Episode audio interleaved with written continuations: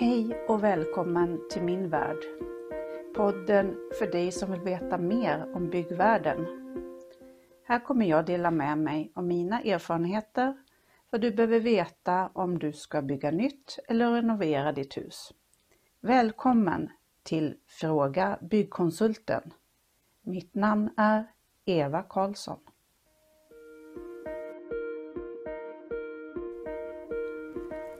Tycker du om det du hör så tryck på tumme upp. Följ min podd så att du inte missar nästa avsnitt och dela gärna så att fler får ta del av min kunskap. I det här avsnittet kommer jag prata om det tekniska samrådet som kommer leda till startbesked för ditt projekt. Du har nu fått bygglov för ditt projekt och då har kommunen kontrollerat utseende och placering av ditt hus eller din ombyggnation.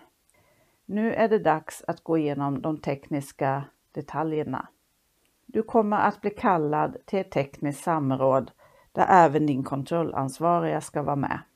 Inför det här mötet behöver du komplettera dina handlingar med mer detaljer och du behöver även skicka in en kontrollplan som ska användas under byggtiden. På det tekniska samrådet tillsammans med kommunens byggnadsinspektör går ni igenom byggherrens ansvar, ditt ansvar vid byggproduktionen. Frågor om planering och organisation kommer tas upp. Alltså när i tid kommer ditt projekt att genomföras och hur lång tid kommer det ta? Och vem som ska hjälpa dig att bygga ditt hus. De handlingarna som du har lämnat in gås igenom och då tittar man på plan och bygglagens åttonde kapitel fjärde paragraf som behandlar de tekniska egenskapskraven. Kontrollplanen gås igenom och kommunens arbetsplatsbesök bestäms i omfattning och tidpunkt.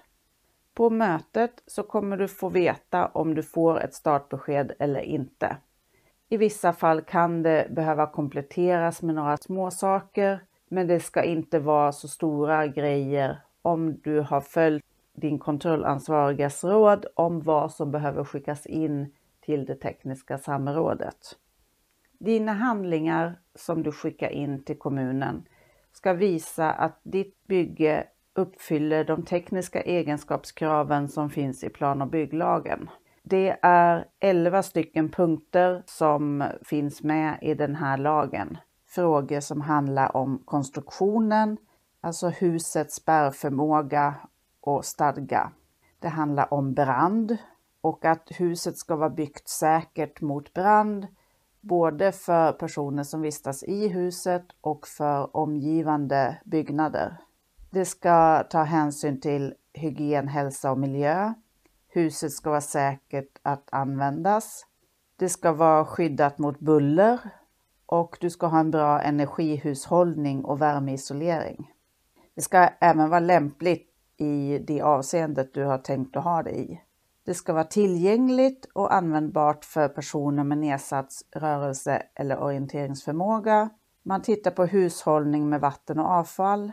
Och de senaste åren så har det tillkommit att ha en bredbandsanslutning och i vissa fall även laddning av elfordon ska vara förberett.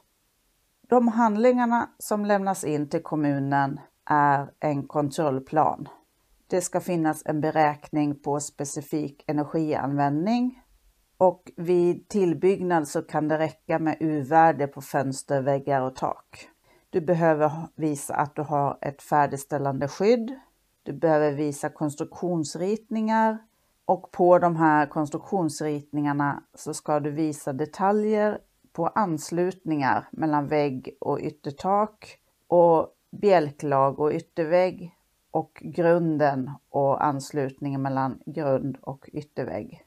Du ska visa ventilationslösning och vatten och avlopp och du ska även visa en vatten och avloppsritning på marken så man ser hur du ansluter till det kommunala nätverket av ledningar och hur du tar hand om ditt vatten på din tomt. Dina handlingar ska vara färdiga bygghandlingarna. Ritningarna ska vara fackmässigt utförda, tydliga och lättlästa. Det finns en ritningsstämpel som ska vara med på ritningen och där är ritningen döpt. Det ska finnas med skala och nuvarande fastighetsbeteckning. Det ska även finnas ett ritningsnummer och ett datum på ritningarna så att man kan skilja de olika versionerna från varandra.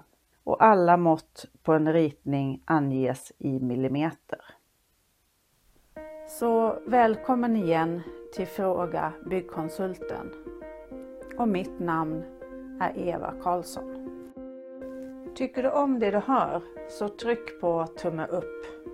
Följ min podd så att du inte missar nästa avsnitt och dela gärna så att fler får ta del av min kunskap.